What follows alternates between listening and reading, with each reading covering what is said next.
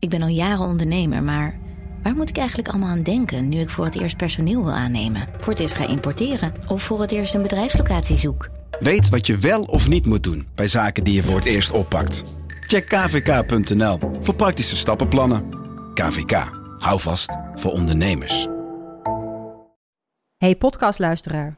Ook op zoek naar een relevante invulling van je schaarse luisteruren? Tune dan in op de podcastserie ESG, even samengevat van BNP Paribas.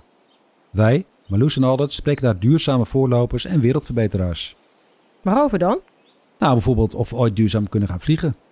En waarom koeien in de stad nou een goed idee is? Dat en meer elke twee weken in een nieuwe aflevering. Dus abonneer je. ESG, even samengevat.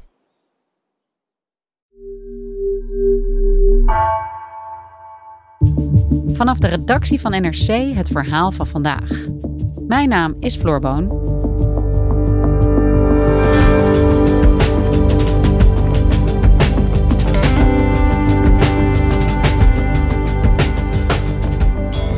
De Nederlandse Isaan werd na jaren trouwe dienst door de Algerijnse ambassade ontslagen. Onterecht, oordeelde de rechter. Maar de ambassade negeert de uitspraak en Isaan krijgt niet waar hij recht op heeft. De Nederlandse overheid worstelt met deze en vergelijkbare zaken, vertelt Bram Enderdijk, en heeft juridisch weinig poten om op te staan. Maar gedraagt Nederland zichzelf in het buitenland wel altijd netjes?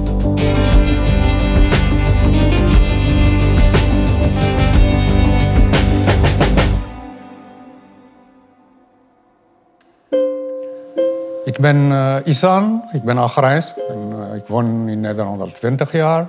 En na 18 jaar in trouwe dienst bij de ambassade, ik ben uh, op staande voet ontslagen. We horen hier Isan Kashai, dat is een 48-jarige man met een Algerijns en een Nederlands paspoort. En vorig jaar ben ik samen met het programma Boos van BNNVARA in zijn zaak gedoken. Isaan, jij bent boos? Ja, ik ben echt boos. Uh, want wat was er aan de hand? Hè? In 2003 was hij net afgestudeerd als jurist en is hij gaan werken voor de Algerijnse ambassade in Den Haag. Ik was administratief medewerker om specifieke dingen te handelen, zoals uh, visa-aanvragen, legalisatie van uh, officiële documenten en dienstplicht voor Algerijnen die in Nederland wonen. Ja, Isaan vertelde me van, ik hield echt van dat vak, hè, van die baan die ik daar had. Ik werkte hard, ik nam ook nauwelijks vakantiedagen op, want ik vond het gewoon leuk, ik deed belangrijk werk. Alles gaat dus eigenlijk goed, totdat de coronacrisis uitbreekt. En uh, nou, dan zijn er natuurlijk allerlei coronamaatregelen, en die gelden ook voor de ambassade van Algerije. Maar ondanks die coronamaatregelen worden er, vertelt Isaan in die ambassade, vieringen georganiseerd. Ja, de voormalige ambassadeur heeft uh, bijeenkomsten georganiseerd bij de ambassade. Er waren coronamaatregelen. En de voormalige ambassadeur heeft geen respect voor dat. Ik wel. Isaan die heeft diabetes en die is dus daarom bang om besmet te raken met het coronavirus. En hij heeft zoiets van, ja, ik, ik wil daar niet naartoe, want straks kom ik in contact met iemand en dat is gevaarlijk voor mij. Dus dat doet hij ook niet. Omdat ik chronisch ziek ben en mezelf nog meer moet beschermen dan anderen, kon ik daarom niet deelnemen. En tijdens die viering is hij wel aanwezig op de ambassade, alleen op een aparte kamer waar hij dan aan het werk is. Dus je zou zeggen, nou, niks aan de hand, de keuze van hem en we gaan allemaal lekker verder. Maar in de zomer van 2021 vertelt hij, zit hij in zijn werkkamer op een vrijdagmiddag en er is weer zo'n viering aan de gang. En dan loopt de ambassadeur naar binnen en die vraagt waarom Isa niet op het feest is. En Isaan die zegt dan tegen die ambassadeur van ja, u kent mijn probleem. Ik kan niet, hè, want ja, ik heb diabetes en ik wil niet besmet raken.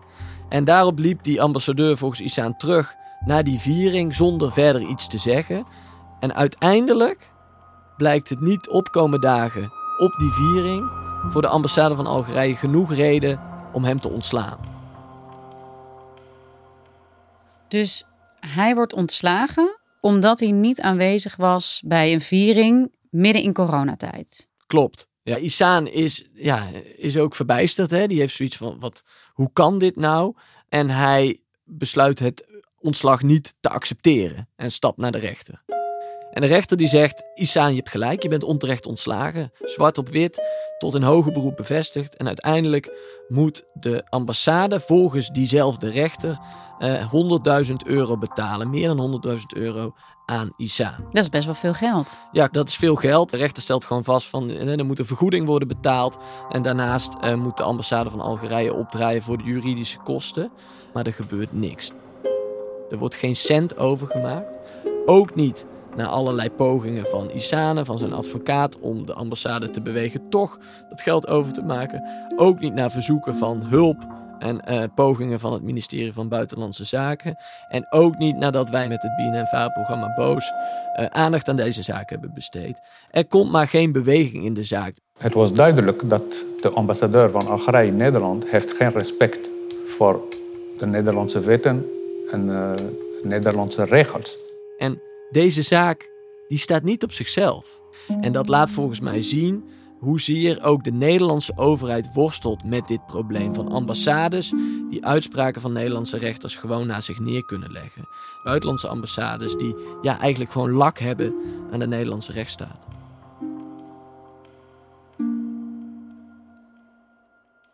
Ja, Bram, je bent hier al best wel een tijd mee bezig. Anderhalf jaar geleden maakten we al een aflevering van vandaag over een vergelijkbaar geval. Um, wat is er nu gebeurd? Waarom wil je het nu over Isaan en zijn zaak hebben? Ja, dat is eigenlijk omdat je ziet dat die zaken eigenlijk niet worden opgelost. Hè? Kijk, ik ben in 2021 met dit onderwerp begonnen, ben ik erin gedoken. En vanaf dat moment stuit ik eigenlijk op steeds meer gevallen van mensen die dus bij een ambassade hebben gewerkt en ja, die gewoon in de kou stonden. En bij mij zijn in totaal nu zo'n tien gevallen bekend bij de ambassades van Marokko, Saoedi-Arabië, Kuwait, Brazilië, Egypte en dus Algerije. En toen ik er een jaar mee bezig was, merkte ik eigenlijk dat er, ja, er zat weinig schot in. Hè? Die, die zaken werden niet opgelost. En toen ben ik in contact gekomen met Tim Hofman van Boos en hebben we besloten om samen verder te gaan met dat onderzoek. En eind vorig jaar zijn we zo in een aantal zaken gedoken, waaronder die van Isaan. En al die mensen die dus daar hebben gewerkt bij die ambassades, ja, daar houd ik nog steeds contact mee. En ja, die zien dus dat, ja, dat iedereen zegt eigenlijk, jullie hebben gelijk, maar er gebeurt eigenlijk niks. En ook Isaan die heeft de afgelopen maanden nou elke week meerdere mails gestuurd naar allerlei instanties. Dan zet hij ons altijd uh, in de CC. Dus wij zien die mails ook binnenkomen. Dus we zien ook zijn onmacht tegen een, nou ja, tegen, eigenlijk tegen het systeem waarvan hij denkt van hoe kan het nou zo zijn dat ik alle gelijk aan mijn kant heb en datzelfde gelijk toch niet krijg. Dat zal behoorlijk frustrerend voor hem zijn als hij zoveel pogingen doet zonder enig succes te boeken. Ja, dat is zo. Ja. Dus aan de ene kant is het een financieel iets. Hè? Dus hij heeft gewoon recht op geld wat hij niet krijgt. De laatste jaar was een hele, hele moeilijke tijd. Super moeilijke tijd. Een WW-uitkering Nee, dat kan ook niet, omdat je bent op staande voet ontslagen. Dus uh, opeens, ik moet over alles denken. En wat nu? Dus vanaf morgen, ik heb geen baan meer, geen salaris meer. Maar aan de andere kant zie ik dat hier dus een systeem is dat zegt van jullie hebben gelijk. Maar krijgen ze dat gelijk dus niet?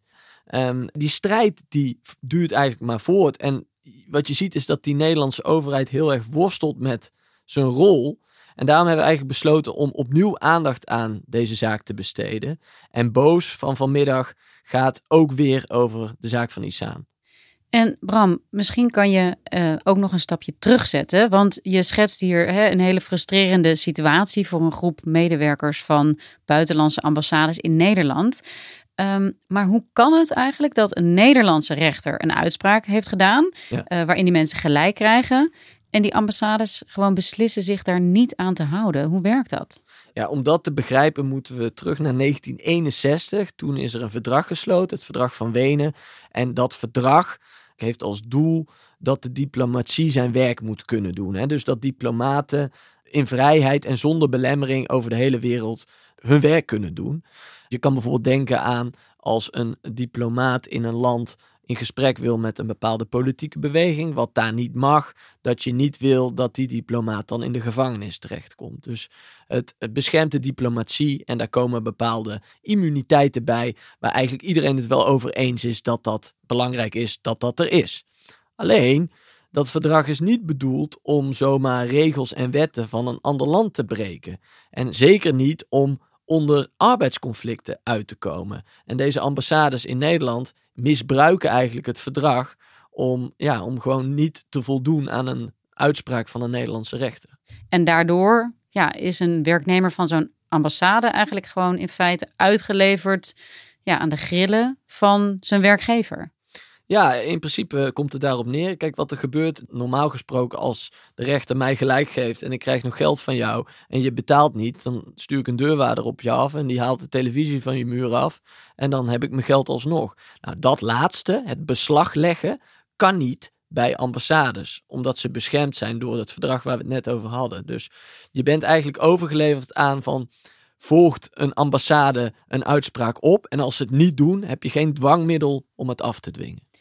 Ja, het klinkt heel onrechtvaardig. Ik kan me de frustratie van deze mensen ook levendig voorstellen. Um, kan de Nederlandse overheid hier nou iets tegen doen? Uh, nou ja, dat is best wel ingewikkeld. Hè? Want um, het is in ieder geval zo dat ze, ze zitten ermee in hun maag. Dat is helder. Want ze willen niet dat onze rechters, dat die eigenlijk in hun hemd staan.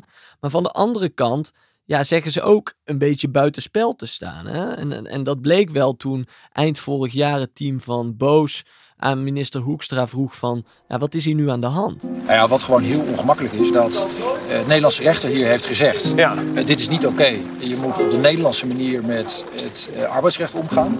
En dat die ambassades zeggen, ja, we betrekken ons er toch niks van aan. Ja. En wat je daarin ziet is ja, zeg maar de schaduwkant van de diplomatieke afspraken. Want wij hebben geen stok om daarmee achteraan te gaan. En juridisch is het gewoon zo dat Nederland ja, misschien ook wel een beetje met lege handen staat. Want dat verdrag is er nu eenmaal.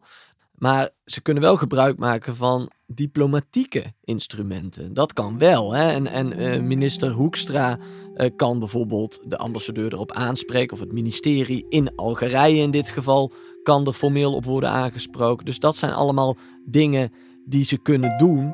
Wij hebben de, eh, onze ambassadeur uh, in Algiers, maar ook de ambassadeur hier, die hebben we aangesproken. Maar eerlijk is eerlijk, dat heeft uh, tot nu toe weinig opgeleverd. Nee. Maar ondanks al dat aanspreken, zullen we zeggen, ja, uh, Isaan die kijkt gewoon op zijn bankrekening en daar is nog niks op overgemaakt. En ook al die andere oud-werknemers van ambassades, die wachten dus nog steeds op het geld waar ze gewoon recht op hebben. En kan Nederland en de minister van Buitenlandse Zaken, uh, Wopke Hoekstra in dit geval, is er nog iets meer dat ze kunnen doen? Kunnen ze fermer optreden om de belangen van toch ook Nederlandse burgers te beschermen? Zeker, dat kan. Uh, ze kunnen bijvoorbeeld um, geen visa meer verstrekken. Ze kunnen ook bijvoorbeeld de ambassade opheffen. Er zijn natuurlijk extreme maatregelen mogelijk, omdat ze zouden kunnen zeggen van wij zijn het zo principieel oneens met wat jullie hier doen, dat we dit niet accepteren. Maar Hoekstra zegt van ja, daar is hier geen sprake van. Dat ligt in ieder geval niet op tafel. Dat, dat gaat niet, weet je. En er zijn ook kan niet. Omdat, weet je, omdat dit is voor hem verschrikkelijk. Maar wat wij niet kunnen doen, hoewel we dus meerdere keren die, ambassadeur, die ambassadeur op het matje hebben geroepen, is zeggen, joh, dan gaan we dus allerlei andere dossiers daar ook aan verbinden. Um, en dat kan gewoon niet. Ja, ergens, hè, als je het even vanuit het perspectief van Nederland bekijkt, zou je dat misschien ook wel kunnen begrijpen. Hè? Echt diplomatieke relaties met een land op het spel zetten voor nou ja, een, een, een tiental zaken die er in heel Nederland spelen.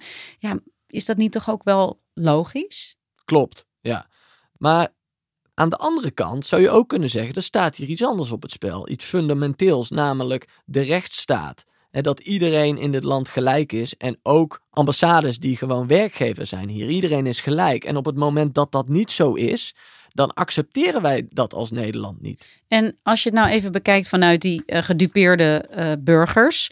Is daar niet iets op te verzinnen? Dat de Nederlandse overheid bijvoorbeeld een uh, pot geld beschikbaar stelt, zodat ze het zelf betalen, zodat in ieder geval geen individuen worden getroffen door dit wangedrag van die ambassades. Precies dit wat jij nu zegt stelde GroenLinks en PvdA voor na mijn eerste artikelen over dit uh, probleem.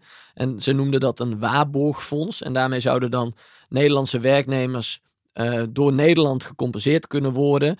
Uh, want het gaat hier natuurlijk, wat jij ook al zegt, Floor, het gaat hier natuurlijk niet om honderden mensen. Het gaat om een aantal mensen waarvan ja, voor Nederland de, de financiële schade redelijk te overzien is. Maar uh, het ministerie heeft al gezegd dat ze zo'n waarborgfonds niet zien zitten. Omdat ze zeggen van ja, wij zijn als Nederlandse staat gewoon geen partij in deze kwestie.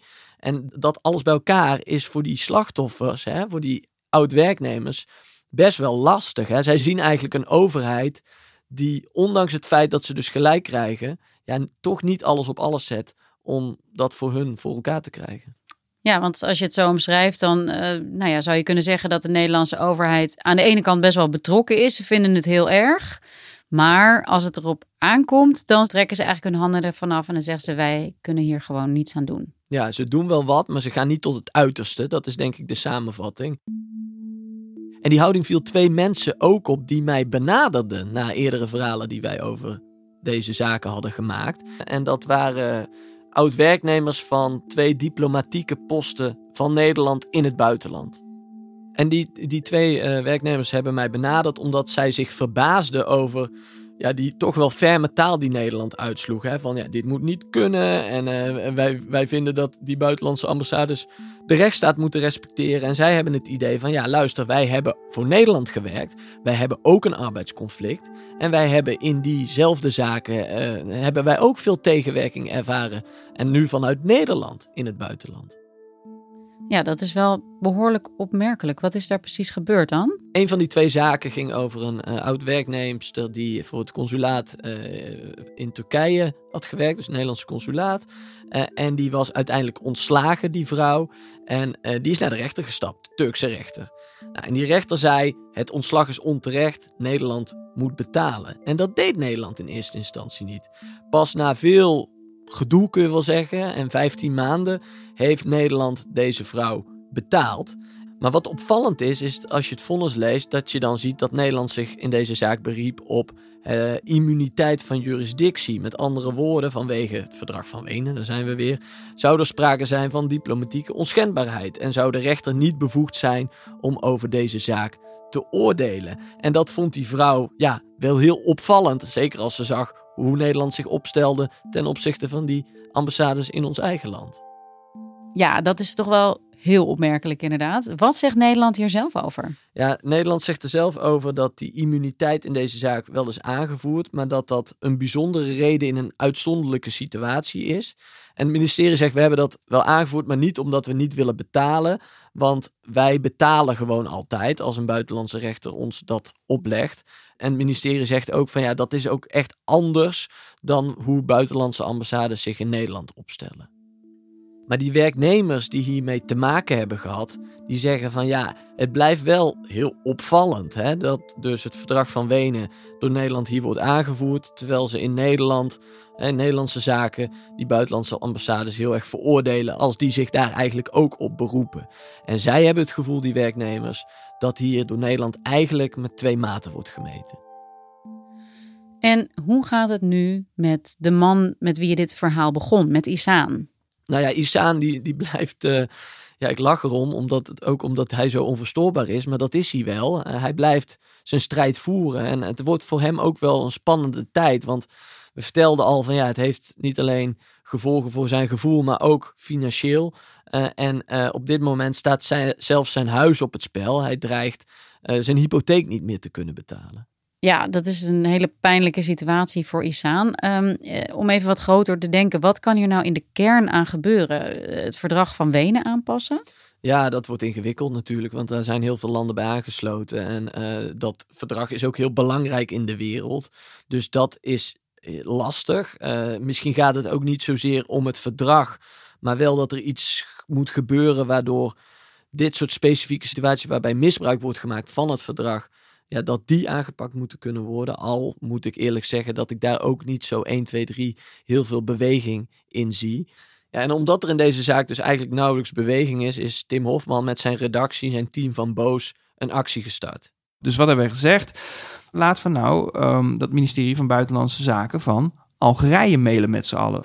Um, dus wij hopen dan, en dat hebben we vaker gedaan, dat er 10, 20, 30, 40.000 mensen dat e-mailadres mailen en zeggen uh, in nette bewoording, we maken ook een briefje. Uh, uh, help alsjeblieft Isaan. Zorg dat hij zijn geld krijgt. Hij heeft daar recht op. Met in de CC ook de ambassadeur en Wopke Hoekstra. Zodat iedereen wel snapt dat wij daar massaal mee bezig zijn en gaan. En dat kan zijn werk nog wel eens doen, moet ik zeggen. Ja, je zou wellicht voor Isaan in ieder geval hopen dat die actie iets oplevert. Want ja, je kan je inmiddels de frustratie van hem en ook van al die andere mensen die dus recht hebben op geld van ambassades, kun je denk ik wel goed voorstellen. Dat zij dus steeds van alle partijen horen van je hebt gelijk, je hebt gelijk, je hebt gelijk, maar er verandert niks.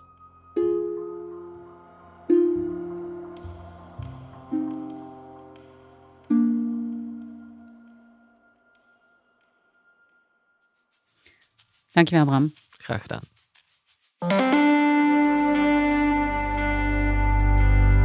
Je luisterde naar vandaag, een podcast van NRC. Eén verhaal, elke dag. Deze aflevering werd gemaakt door Igna Schoot en Ruben Pest. Coördinatie Henk Ruigrok van der Werven. Dit was vandaag. Morgen weer.